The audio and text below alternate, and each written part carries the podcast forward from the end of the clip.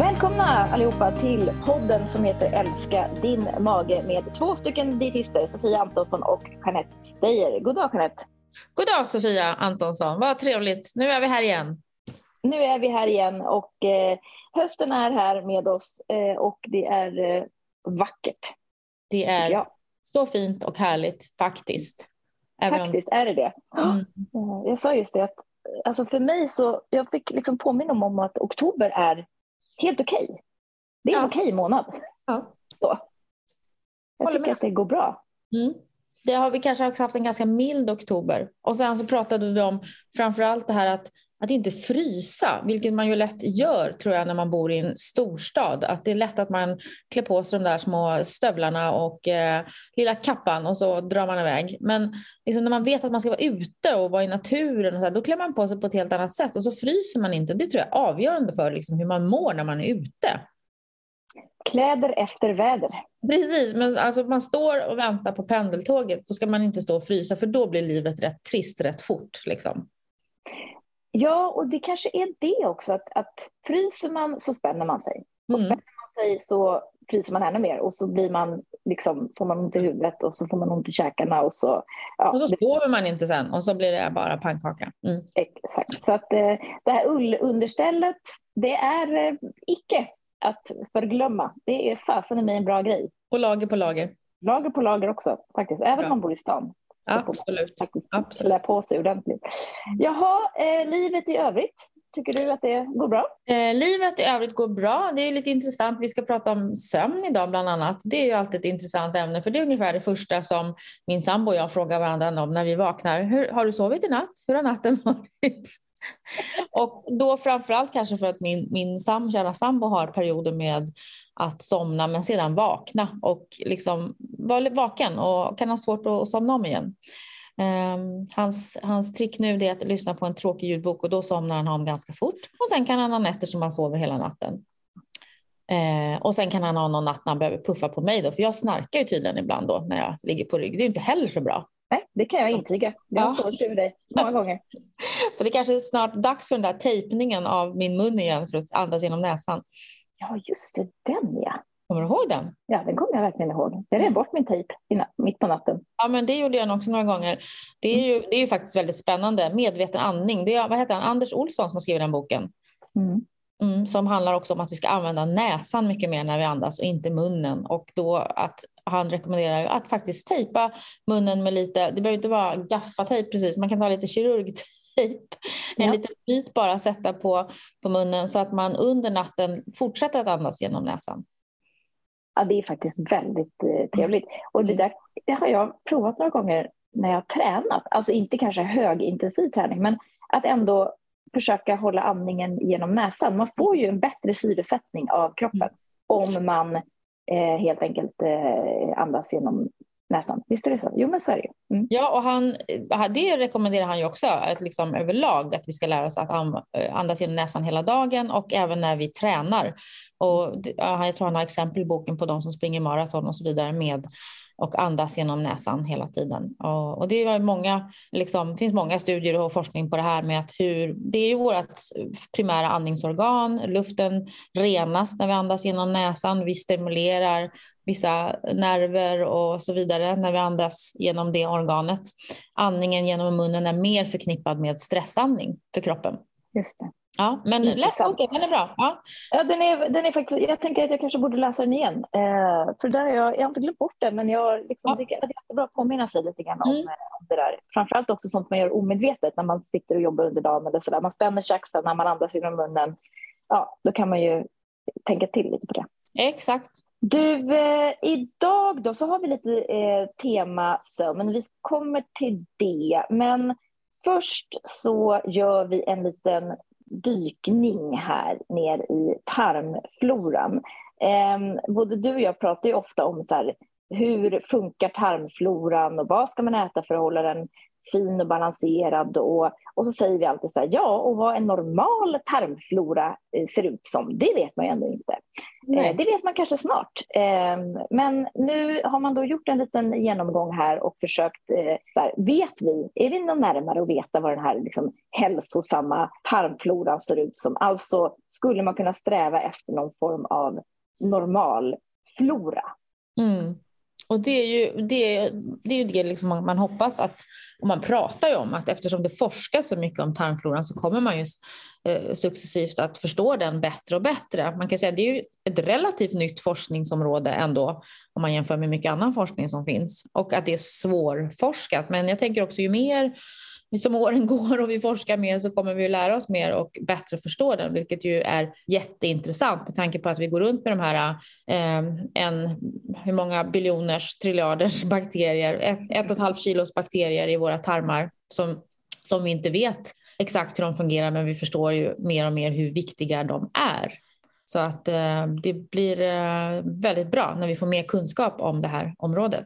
Ja men precis, och vi har ju sagt liksom hittills att en sak vet vi och det är ju att mångfald, alltså diversitet, alltså många olika bakteriestammar i tarmen verkar vara kopplat till hälsa.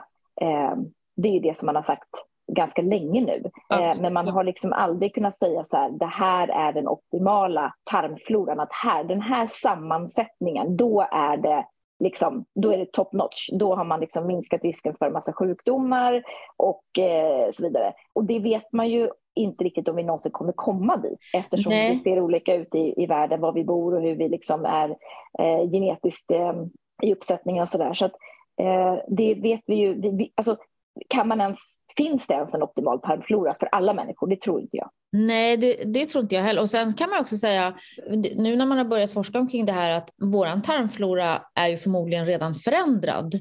För att om man tittar då på, på ursprungsbefolkningar och går tillbaka, eller man hittar sådana som äter på ett helt annat sätt, eller äter då kanske som man gjorde för i vår forntid, så har ju de ofta en mycket större liksom, mångfald och diversitet. Så att, att vi har redan liksom utarmat vår tarmflora eh, i, i västerländerna. Och, mm. Så då är ju liksom, vad, hur ska vi då kunna bestämma här vad som är en normal tarmflora? Den kanske redan är förändrad. Och hur kommer det påverka oss generationer fram och så vidare? Det, det är svårt att säga. Verkligen, och vi ser ju att, att till exempel vissa stammar av jordbakterier som vi har haft historiskt sett i vår tarmflora faktiskt har försvunnit. Framför mm. allt då eh, från, från vår eh, tarmflora som lever här i västvärlden. Mm. Och det är ju säkert en, en direkt konsekvens av att vi faktiskt äter färre liksom, eh, grönsaker till exempel som kommer ifrån från jorden. Vi tvättar om, vi har renare hemma, vi är inte ute i naturen och så vidare. Det, så tänker jag. Jag tror jag också. Det, mm. Jag läste någon forskare som sa att tarmfloran är som en regnskog. Ett oerhört komplext system där arterna le, lever i finstämd balans och varje art har sin bestämda funktion.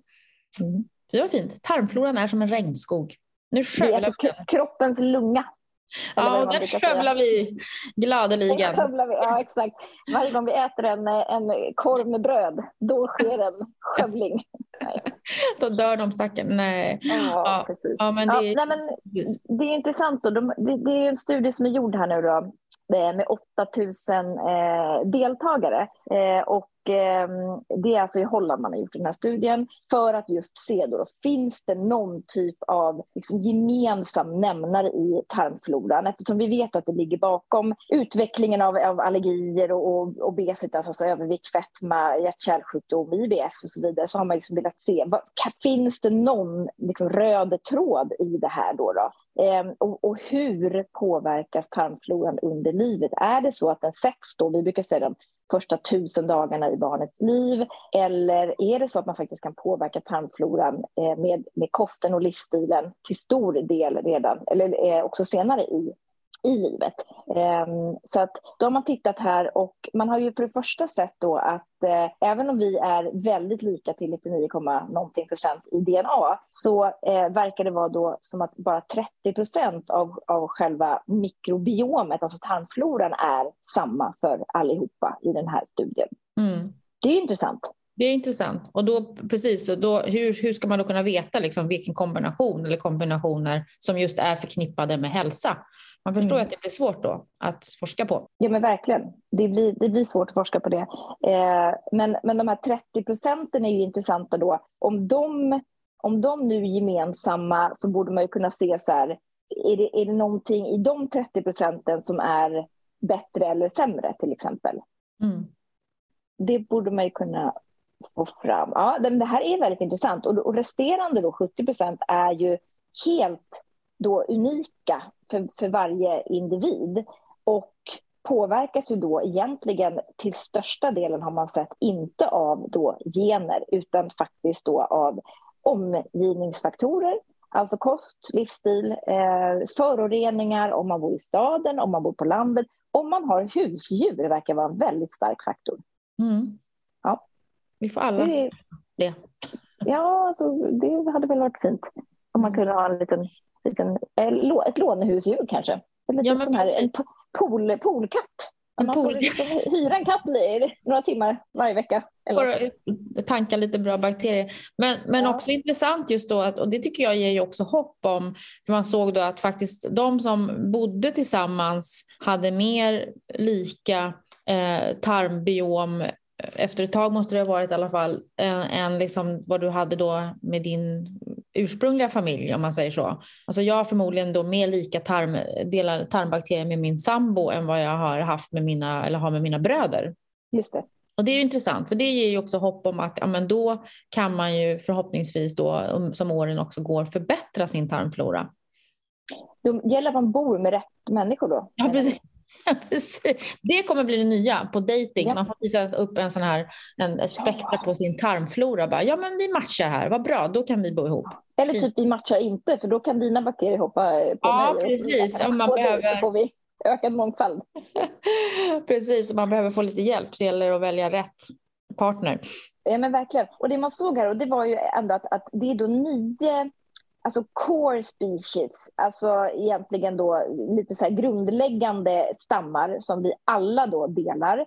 Och fem av dem verkar ha liksom nyckelroller i det här ekosystemet. Och en är ju de här fekade Prausnitzi som är en, en, en producent, en bakterie som producerar mycket smörsyra. Och den smörsyran är ju, den pratar vi mycket om och det är ju också då Bacteroides och bifidobakterium eh, bakterier som, som är med i den eh, omvandlingen och produktionen.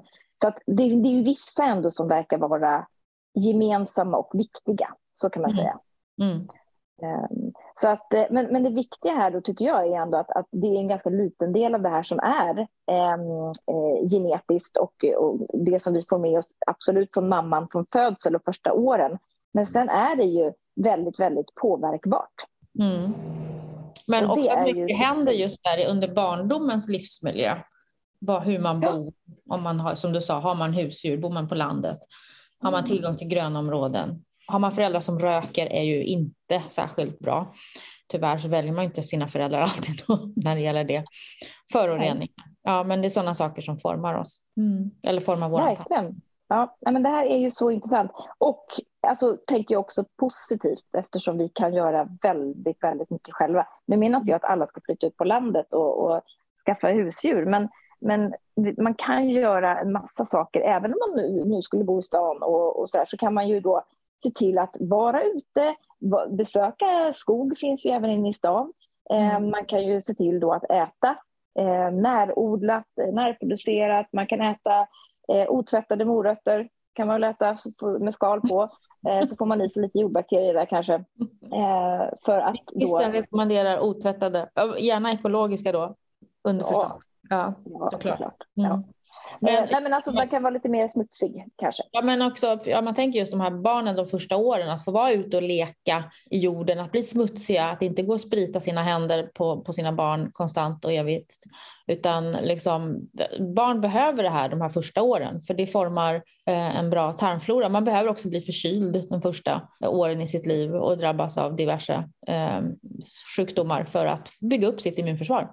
Verkligen, så är det ju. Helt mm. klart. Så att, eh, ja, men ut och, eh, ut och klappa ett djur, eh, krafsa i marken, tugga på en barkbit. Underbart. Ja, bra. Då vet vi hur vi ska göra. Dagens råd. Bra. Vi skulle ju komma tillbaks till det här med sömn som vi började prata lite grann om när vi inledde denna lilla podd. Eh, och då läste vi, det forskas ju ständigt även på sömn. Eh, även där finns mycket att lära och förstå. Och det här med ens sömnvanor och hur många timmar man ska sova per natt. Eh, vad är optimalt? Eh, och mm. där... Hur många timmar sover du per natt? Får man fråga. Ja, men alltså, jag känner ju att jag mår bäst om jag får sova en, ska säga, sju, ja, sju, mellan sju och åtta timmar faktiskt. Jag gärna somnar mellan tio och elva. Vår väckarklocka ringer ju rätt tidigt, kvart i sex. Vad blir det? Ja, det blir väl någonting sånt va? Mm. Mm. Så att eh, ja, då, då, det, då mår jag bra. Du då? Ja, men jag är samma. Jag, jag är ingen fem, sex timmars eh, person. Nej. Det går inte. Nej. Nej. Och det har man ju då, det är väl kanske då bra, det just kanske mer handlar om att hitta sin, där man känner att man mår bra. Men i de här studierna, eller den här studien som har gjort, de har ju visat att personer som sover fem timmar eller mindre per natt löper betydligt större risk att drabbas av två eller flera kroniska sjukdomar. Eh, och det vi pratar då om vid 50, 60 eller 70 års ålder så visar det sig vara förknippat då med en öka, liksom ökad risk för att multisjuk, att vara multisjuk. Mm. Eh, sen så får man ju, det pratar man också om vad är hönan och vad är ägget, för man tittar på sådana här saker så kanske också en del som är 60-70 som har sjukdomar sover mm. sämre, man medicinerar kanske eh, och så blir det liksom, ja, vad var det som orsakade vad här egentligen? Ja men verkligen. Och jag tycker det är så intressant för man har ju alltid eh, någon, någon människa runt omkring sig i, eh, eh, bekantskapskretsen som är så här, nej men jag, jag behöver inte så mycket sömn, jag sover en fyra timmar per natt, men det, det, jag behöver inget mer. Mm. Och då mm. tänker jag alltid så här, eh, ja fast eh, jag tror att eh, det där kommer inte bli så bra, mm. tänker jag då, mm. på, på sikt. För att det är ingen som klarar sig, det kanske finns någon med någon genetisk variation, eller på att säga, som klarar sig. Men Man brukar höra någon amerikansk president ibland som sover väldigt lite. Eller ja, något. men alltså, då blir man kanske lite sås i huvudet efter ett tag. Jag vet inte. Ja. Nej. Ja. Jag tror ju inte att det är någon som i långa loppet mår bra av det. Jag tror man ser konsekvenser när man blir äldre om det är så att man kör på stenhårt, stressar mycket, sover sjukt lite när man är... Och det är så här, många sover ju lite för att man är så här, ah, men det, det går bra, det pumpar på. Fasten, mm. det är mycket nu liksom. Mm. För att man är typ hög på sig mm. själv och sin prestation och sin... Liksom. Men det där funkar liksom inte i långa loppet tror jag. Nej, det tror inte jag. Men jag tror, och sen tänker jag det är många som har sömnproblem, besvär som är också väldigt medvetna om det, som vill gärna sova. Som min, min sambo till exempel, han vill ju gärna mm. sova hela natten. Uh, inte så, upplever sig inte som en särskilt stressad person, men ja, han vaknar och tänker på saker, inte utan att det behöver vara nattsvart, men funderar. Eh, så som nu livet ser ut för oss eh, mm. med, med, med jobb och så vidare och full fart liksom, som du mm. säger. Men jag tror många är medvetna om att man vill gärna sova bättre men det är ju någonting som gör att nattsömnen blir störd. Mm. Och att man då också börjar oroa sig för det kanske och det är inte heller bra ju såklart. Eh, att, att liksom börja och, och bli stressad över det för då sover man oftast inte bättre heller. Nej. Nej, men precis. Och det är ju liksom, sömnen är ju till för att hjärnan ska kunna liksom, ja, men återhämta sig, mm. bearbeta allting som har hänt under dagen. Och jag menar, eh, vad vi brukar säga där, att idag får vi lika mycket intryck under en dag som vi fick under en livstid på 1700-talet. Jag vet inte om det faktiskt stämmer, men det, det är inte förvånande om det skulle nej, vara så. Det, nej, men det känns som att någonting sånt är det väl förmodligen. Ja, eh, och då, då måste ju det omedvetet ja. också mycket tänker jag. Med allt vi ser och läser och hör och dutt och dutt och dutt liksom. Ja men verkligen. Och, och, då är det ju så att man riskerar ju att drabbas av eh, sjukdom helt enkelt om man sover för kort tid. Eh, och det, de kroniska sjukdomarna är ju liksom de, våra stora vanliga eh, sjukdomar. Eh, och det är klart att det är ju väldigt, det, det, det är liksom, de får man ju förr eller senare ändå på något mm. vis. Så mm. då kan man väl på något vis ändå försöka. Och sen tänker jag också man är ju inte så rolig. Alltså de som, de som har sömnproblem vet ju hur, hur himla jobbigt det är, för man är ju inte så pigg och fräsch på dagen. Hur ska man kunna liksom prestera och göra sitt jobb och vara en bra eh, mamma eller pappa eller vad det nu är för någonting? Men, men också då just det här äh, pusslet framförallt då när man har små barn, när man vaknar flera gånger per natt av, mm. av barn. Det kan ju vara många år som man, man har det. Eh, mm. och på något vis så klarar man sig ju då de där åren ändå. Det, det gör man ju, det gör ju de flesta. Men också att komma ihåg det, att, att vilka krav är det då som ställs utöver när jag har småbarn att jag också ska prestera och jobba på dagen och hinna träna och hinna allting. Det, det, är liksom, det kan kännas lite orimligt ibland, hela den, Just det. Den cirkeln. Men precis. Ja. Mm. Sen har man ju också i den här studien, det var lite intressant, att, att man också sett att effekten av att sova mer än rekommenderat, mer än nio timmar per natt, det såg ut att vara kopplat till kronisk sjukdom. Och, men då gäller det bara de som var 60-70 och då är det ju egentligen precis det du mm. sa. Mm. Är det så att de faktiskt redan var sjuka och tog mediciner som gjorde att de sov längre, Precis. Så ja. Var, ja. Men, men också det man konkluderar här, att man, man ska ju inte man ska sova när man är trött och man ska inte börja oroa sig för sömnen för det gör bara saken värre. Ju mer du tänker mm. på oroa dig för mycket och liksom, då kommer man att få problem. Men mm. det man däremot som jag, vi ehm, pratade om kan göra, det är ju liksom att, att eh, liksom aktivt vad, liksom, vad kan jag göra då för att det ska bli eh, så bra sömn som möjligt? Eh, eller hur kan jag liksom förbereda mig så att jag förhoppningsvis sover bra? Där finns det ju några gamla standardråd som man kan tänka på. Ja men verkligen. Utan att liksom eh. tänka på eh, det här att jag ska, ska oh, jag måste sova, jag måste sova, utan bara mer så här, ah, men jag kan ge bra förutsättningar för att sova. Och det kan ju vara sådana saker som att se till att det är mörkt och svalt i ens ja. sovrum. Eh, man kan testa sådana saker som att ta ett varmt bad och, eller en varm dusch innan man går och lägger sig. Eh, då producerar vi Oxycontin är det väl? Nej, vad heter det? Oxy... Oxycontin. Ja, det är, det är något annat det. Det är morfin, typ. det kanske också hade varit något i och för sig. Sån, Nej, man blir så jädra lätt beroende. Ja, nej, det, det, är inte bra. Det är inte bra. Nej, nej. nej. Eh, Börja om. Försök igen. Ja, men vad heter den? Oxytocin. Oxytocin. ja. Åh, herregud. Ja, eh, mm. Vi börjar om. Eh, oxytocin. Ta inte oss på allvar, någon. Nej, någon gör inte nej, det. Men det här varma badet, varma duschen är väldigt ja. bra. Ta inte morfin.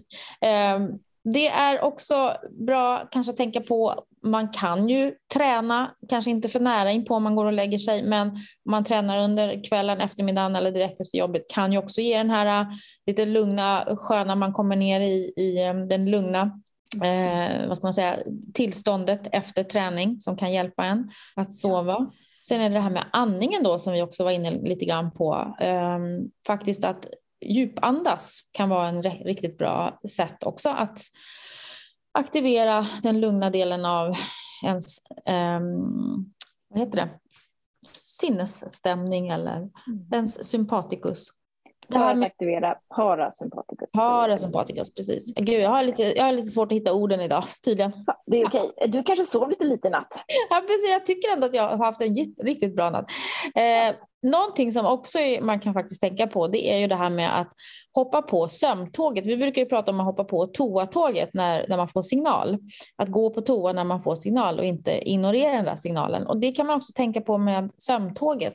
Att, för jag tror det är rätt vanligt att man börjar man bli trött när klockan kanske nio, halv tio, tio. Ah, men jag ska bara, jag ska bara och så börjar man göra andra saker. Eh, och så, ehm, har liksom, så byggnar man på sig där. Men faktiskt att faktiskt gå och lägga sig då kanske tidigt ibland om man kan, ha möjlighet. Ja, ja men det är exakt. Om man kan och man har möjlighet så är ju det är jättebra för att man kommer ju ofta in i den andra andningen och det är då binjurarna, då kommer de liksom, då, då blir det ökat tryck på dem, kortisolutsöndring och så vidare och det mm. behöver vi ju alla skulle jag säga, eh, mindre av tryck på binjurarna. Ja. Eh, så det är väl viktigt. Ja, mm. men verkligen. Mm. Eh, Andra saker man också... Ja, förlåt. Säg du. Ja, nej, men jag tänker på... Ehm, jag tjatar ju alltid om det här med att sluta äta minst tre timmar innan eh, eh, man går och lägger sig. Att inte äta någonting, eh, minsta lilla. Eh, möjligen då grönt te som vi kommer till eh, alldeles strax här. Eh, det är väl okej eh, att ta på kvällen. Men att försöka att strypa intaget helt tre timmar innan man går och lägger sig så att organen får vila, komma ner i varv. Det gör väldigt mycket för sömnen och sömnkvaliteten framför allt. Det är ett bra tips. Och man kan också ta magnesium. Just det. Innan man går och lägger sig. Avslappnande kan det vara. Mm. Men när du säger det här, för att jag vill också ändå eh, lägga fram en liten brasklapp här. Eh, jag har personer i min närhet som tränar väldigt mycket och eh, det gäller ju ändå att se till att man då har fyllt på ordentligt under dagen eller eh, sitt, liksom, kanske man behöver ett extra mellanmål, kvällsmål för att inte gå och lägga sig hungrig och vakna på natten för att man är hungrig eh, för att man har fyllt på för dåligt. Så jag tror att den då förutsätter också lite grann att man har koll, tänker jag, på sitt dagsintag för att kunna göra den här lite mera, gå in i lite mer faste, eh, en fasta. Absolut. Tränar man och sådär, då kommer man ju tänka lite grann mer på, på måltidstajmingen. Eh, eh, men, men som sagt, eh, jag tycker också ibland att det är så här, man är lite rädd för att vara hungrig. Och tänk ja. om jag går och lägger mig hungrig, vad är det som händer då? Ja, du, du är hungrig och du somnar förmodligen. Och mm. när man mitt i natten och är hungrig så tänker jag också att det är faktiskt någonting man då får försöka jobba med och stå över. Det är som vällingen till små barn. Liksom. Att är man van att gå upp och, och vakna och äta på, morgon, på, på natten, då då får man bara sluta med det. Mm. Och efter ett tag så vaknar man inte längre. Det är liksom, kroppens, kroppen är väldigt snabb på att vänja sig. Så om man äter som du säger, bra under dagen och ser till att få i sig det man behöver, då är det oftast inget problem. Nej, och det är faktiskt också det att gå och lägga sig hungrig som du säger. Eh, det går ju oftast väldigt, väldigt bra för att man somnar och sen så när man vaknar på morgonen därpå så nej, man kanske inte är särskilt hungrig förrän liksom, det är de vanliga rutinerna som kommer igång så att det är absolut inte farligt. Men om man märker att det påverkar en och, och liksom, såklart har man problem med, med sömnen så det är ju sådana här saker man får då fundera på. Hur ser hela min dag ut för att det ska bli bra också på natten? Mm. Också det här med att tänka på koffein, eh, att inte dricka det för sent. Det har en ganska lång halveringstid. Så att, mm. eh, hur mycket dricker jag och hur sent dricker jag den där sista kopp kaffe eller svart te också. Mm, mm, verkligen. Eh, sen brukar vi prata om, eh, om blåljus. Ja. Som ju hämmar eh, melatoninproduktioner. Eh, och gör att de är trötta helt enkelt. Så att, att dra på ett filter eh, på telefonen så att man mm. inte får det där blåa eh, ljuset. Ställ ner ljuset på telefonen, ta någon sån här blåljusfilter. Eh, eller helst typ, använd inte telefonen i sängen alls. ta bort ehm, skärmarna från sovrummet. Ja, ta bort, eh, precis, ta bort både tv och telefon. Och, och det där är också intressant utifrån vad vi pratade om förra veckan, det här med att, att Facebook nu bevisligen låg bakom depressioner. Mm. Eh, och, och att man alltså tittar man på Instagram eller Facebook det sista man gör innan man går och lägger sig och man ser en massa saker som man känner att man blir lite stressad över, då är det ju självklart att sömnen kanske inte blir jättebra. Nej. Så är det ju faktiskt.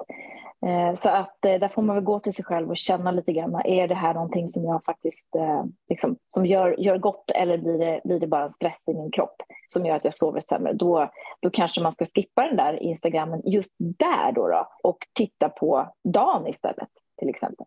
Exakt, hitta fram de där gamla böckerna där som man kan läsa. Ja, mm. exakt. Det är väl bra. Hade du några mera eh, tips Nej, det var nog där. Ja, det, man brukar ibland också prata lite grann om, om det, det kan också vara lätt just om man sover dåligt på natten att man då går och lägger sig på dagen och sover och det brukar man ju då prata om att man ska sömnsanera. Att, eh, försöka att vända på den, att gå tillbaka till att inte sova på, inte sova på dagen utan försöka att sova på natten. Eh, sen finns det andra som säger att de mår jättebra av en powernap. Jag tror att det viktigaste där är väl kanske att man, det, bara, det blir en väldigt kort powernap för att bara resetta. Inte att man sover halva och hela timmar på dagen. Det blir inget bra. Nej, eh, en 20 minuter, eh, en liten eh, paus är ju, tycker jag, jätteskönt att ta på mm. eftermiddagen. Eh, man bara kanske somnar till precis och så vaknar man igen. Eh, den, är ju, den tycker jag är bra. Eh, jag vill också slå ett slag för knackning. Ja, men just det. ja, detta fantastiska redskap som jag tycker är så himla bra för en massa olika saker. men, men definitivt för att, för att somna. Så att, jag brukar ju prata om appen som heter The Tapping Solution. Den är fantastisk. Den är, det finns ganska mycket där gratis. Eh, så att man kan gå in och testa lite grann och, eh, och knacka och eh, väldigt snabb effekt. Ja, jag har faktiskt letat upp appen. Nu ska jag bara ladda ner den. Så ska jag läsa lite mer. Kolla. Kan Gör det. Ja. ja, du får göra det. För att det är som sagt, jag tycker att framförallt om man har något specifikt som man oroar sig över eller som man har ångest över eller som man känner sig rädd kring eller alltså vad som helst. Så då tar man ju det temat eh, och, och liksom pratar med sig själv om, men med hjälp mm. av alltså LED, LED liksom, eh, knackning. Mm. Effektivt, bra, super, supermetod vill jag mena. Ja, spännande. Du rekommenderar det varmt hör jag. Vi är sponsrade av Alflorex. Eh, ett probiotiskt tillskott med en eh, jättefin bakterie som heter Bifidobacterium longum 35624. Vad gör då lilla bifidobakterien? Jo, den agerar eh, lite sådär eh, hälsosamt kan man säga i vår tjocktarm. Eh, den hjälper till att bryta ner FODMAP-fibrer. Den eh, genererar smörsyra och det är ju någonting som man verkligen vill ha mycket av i sin tjocktarm. Det smörsyran gör i sig tarmslemhinnan hälsosam och eh, lite tät och det vill man också ha. Eh, Alflorex brukar jag använda mig av eh, framförallt som ett tillägg eh, under elimineringsfasen i, i FODMAP. Eh, och anledningen till det är ju dels att man vill ha lite hjälp att bryta ner de här bråkiga fibrerna men också faktiskt för att man har sett att i, under elimineringsfasen så tenderar mängden bifiberbakterier att minska lite grann eftersom man tar bort eh, bland annat då lök och vitlök som är den naturliga födan till de här bakterierna. Då kan man stötta upp med, med Alforexen där till en början. Det brukar bli väldigt, väldigt bra. Eh, och Alforex tar man en kapsel per dag och gärna med mat Eh, till frukost. Eh, och då får man ännu mera gärna ta den med lite fil och yoghurt. Då har man sett att överlevnaden av bakterierna är extra bra. Så alla ni som vill testa Alforex eh, tar ni och köper och så lägger ni till en per dag och så kan man utvärdera efter minst, skulle jag vilja säga då, fyra veckor, gärna åtta, hur man tycker att det fungerar. Och sen har vi ju faktiskt också då apropå det här med grönt te som jag tycker är så fantastiskt, eh, framförallt på kvällen. Eh, två substanser eh, som ju är, har visat sig ge bättre sömn och det är L-tianin och det är GABA. Och det här är ju väldigt intressant för att det är ju, svenskarna har ju mer sömnproblem nu än för liksom, 10-20 år sedan. Jag tycker mm. var och varannan människa pratar eh, sömn, eh, sömnproblem och dessvärre också vilka preparat man tar, vilka sömnmediciner, alltså läkemedel man äter. Och här blir jag ju lite rädd för att om, om var och varannan människa äter antidepressiva och sömnmedel Alltså vart är vi på väg? Och så medicinerar man kanske dessutom för någon typ av ADHD eller någon, alltså det är väldigt mycket läkemedel eh, och väldigt alltså, under väldigt lång tid eh, och som man snabbt blir beroende av, framför allt de här sömnläkemedlen. Jag tycker att det känns lite obehagligt faktiskt. Ja, man kan ju, ja, frågan är varför. Vad är det som gör att, att det blir det här behovet ökar? Det, ja, det blir det som plåster och det blir quick fix och det är definitivt inte att vi botar någon, någon liksom grundorsak här utan det är bara att man fixar ett, ett symptom. Jag sover dåligt och tar ett sömnpreparat. Mm. Eh, det finns absolut tillfällen då man behöver de här men jag tror definitivt att det sker en, en överförskrivning och att många tar de här bara som någon så enkel lösning. Mm. Eh, inte bra. Tråkigt. Ja, verkligen. Eh, men då tänker jag så här då att, att L-teanin som är en, en eh, aminosyra som inte just används för att bygga proteiner men den kan bidra till annat och den, den är sånt som verkar då avslappnande, lugnande. Mm. Eh, den är ju är intressant då för det har gjort studier på den eh, och, och effekten. Och eh, man kan ta den när som helst men, under dagen men eh, när man tar den i studierna här har man sett att när man tar L-teanin en timme ungefär innan man går och lägger sig så visar det sig att eh, man har fått bättre sömnkvalitet även om man inte har sovit länge. Det här är intressant för det är precis det man vill åt här. Man kan sova bra, man kan sova sina timmar, men vilken sömnkvalitet har man? Mm. Är det liksom, är det, kommer man ner i sin djupsömn till exempel? För det är där mycket av liksom återhämtning och reparation sker. Eh, ja, eh, och man ser också då eh, lite färre minnen av drömmar och mardrömmar jämfört med placebo, de som har fått L-teanin. Och man känner sig mer då utvilad då, eh, mm. och återhämtad. Så det är ju det är intressant. Ehm, även symptom som nedstämdhet, oro och sömnbesvär har undersökts i en annan studie. Ehm, när man fick då L-teanin eller placebo och eh, de som fick L-teanin somnade snabbare, sov lugnare, hade mindre behov av sömnmedel. Det är intressant. Det. Mm. Eh, och det fina då är ju att L-teanin finns, man behöver inte ta det som tillskott, utan det finns i tebuskens blad och då allra rikast i grönt te. Eh, så det är väl rekommendationen då, att man ja. behöver inte springa och köpa piller, utan ta en kopp grönt te på kvällen. Kvällen, det går bra. Jättebra. Mm. Och se, påverkar det sömnen positivt? Ja, ja. det kanske räcker ja. med det då. Mm. Ja, det är absolut värt att prova. Ja, men precis. Eh, och sen har man också undersökt ett ämne som heter GABA, då, gamma-aminosmörsyra, eh, som också är känt för att dämpa stress och, eh, och det är signalsubstans som bildas i, i centrala nervsystemet. Eh, som finns också i en del fermenterade livsmedel, alltså kefir, surdegsbröd, eh, miso, tofu och så vidare. Mm. och Eh, den, den kan också då lugna aktiviteten i hjärnan och motverka stress och oro. Här finns det också en del, eh, en del studier. De är ganska små, men de är placebokontrollerade, eh, de som vi har hittat här. Och då tar man också GABA då, kanske som ett tillskott mm. innan man går och lägger sig. Verkar också påverka då längre tid av djupsömn. Just det, snabbare uh, insomning. Mm. Den första fasen för, framför allt. Då. Mm. Men då har man ju äh, ytterligare en anledning till det här att äta bra, alltså äta fermenterade livsmedel. Eh, Magbakterierna mår bra och man kanske också då får hjälp att producera det här GABA som eh, mm. hjälper till. Mm. Exakt. Eh, så kanske lite, vad ska man säga då, lite kefir Mm. Um, Surkål, kimchi. Ja. Uh, en shot kombucha då. Uh, ja. Det är ju inte så magvänligt, men lite, lite grann. På kvällen. Ja. Och när det gäller magen och FODMAP, då får man ju prova sig fram som vi brukar säga just med de här fermenterade livsmedlen eller som surkål och, och kimchi och så vidare och se hur det mm. känns i magen. Mm. Ja men verkligen.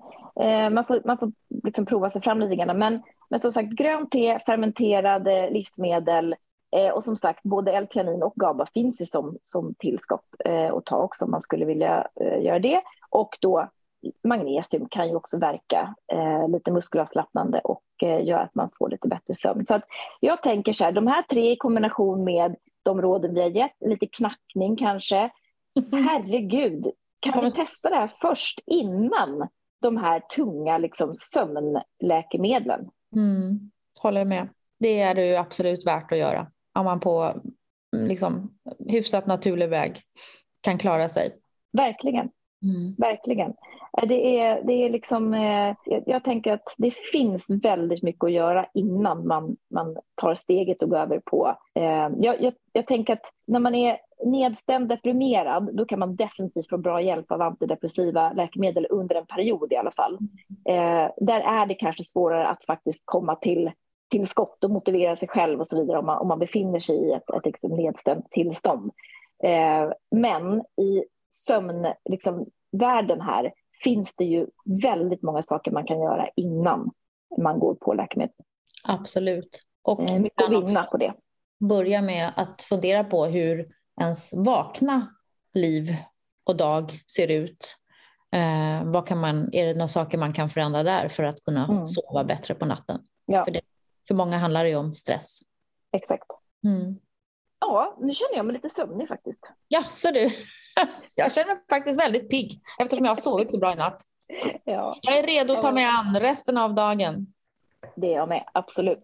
Eh, hörni, för er som nu vill då veta mer om eh, Belly Balance, om vår digitala IBS-behandling som finns i appen som heter Belly Balance, eh, så laddar ni ner den och testar. Och, eh, det kommer lite nyheter här inom kort. Vi ska inte berätta dem ännu, eh, men kanske nästa avsnitt tror jag vi kan säga det. Eh, ladda ner den så länge och testa. Ni kan eh, testa vår eminenta FODMAP-scanner där eh, gratis i sju dagar. Eh, kan ni gå ut i butiken och eh, titta lite på produkter.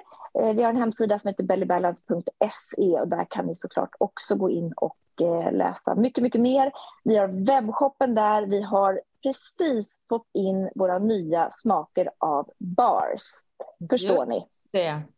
Yes, så nu kommer Double Chocolate och eh, Salty Caramel. Eh, bejublade eh, produktutvecklingar av undertecknad med fler. Underbart. Jag ser fram emot. Jag har inte testat den nu. ser fram emot det. Ja, de är supergoda. Eh, så de finns numera i vår webbshop också. Ni kan gå in och eh, beställa dem där. Där finns lite, lite oljor och kryddor och annat eh, smått och gott också. Bra! Höstlovet är, står för dörren. Var ute nu hörni, i, i naturen och eh, gå runt och titta på färger, krama träd och eh, ha det bara gött och eh, lugnt och eh, få mycket återhämtning, jobba med sömnen. Mm. Laga mat utomhus. Varför inte det? Ja. Alltså, det är underbart. Det är bra. Det är en bra utomhusaktivitet. Ja, det är det verkligen. Mm. verkligen. Ta hand om er själva, om er mage. Vi hörs igen eh, om ett par veckor helt enkelt. Ha det bra. Hej, hej. Hej, hej.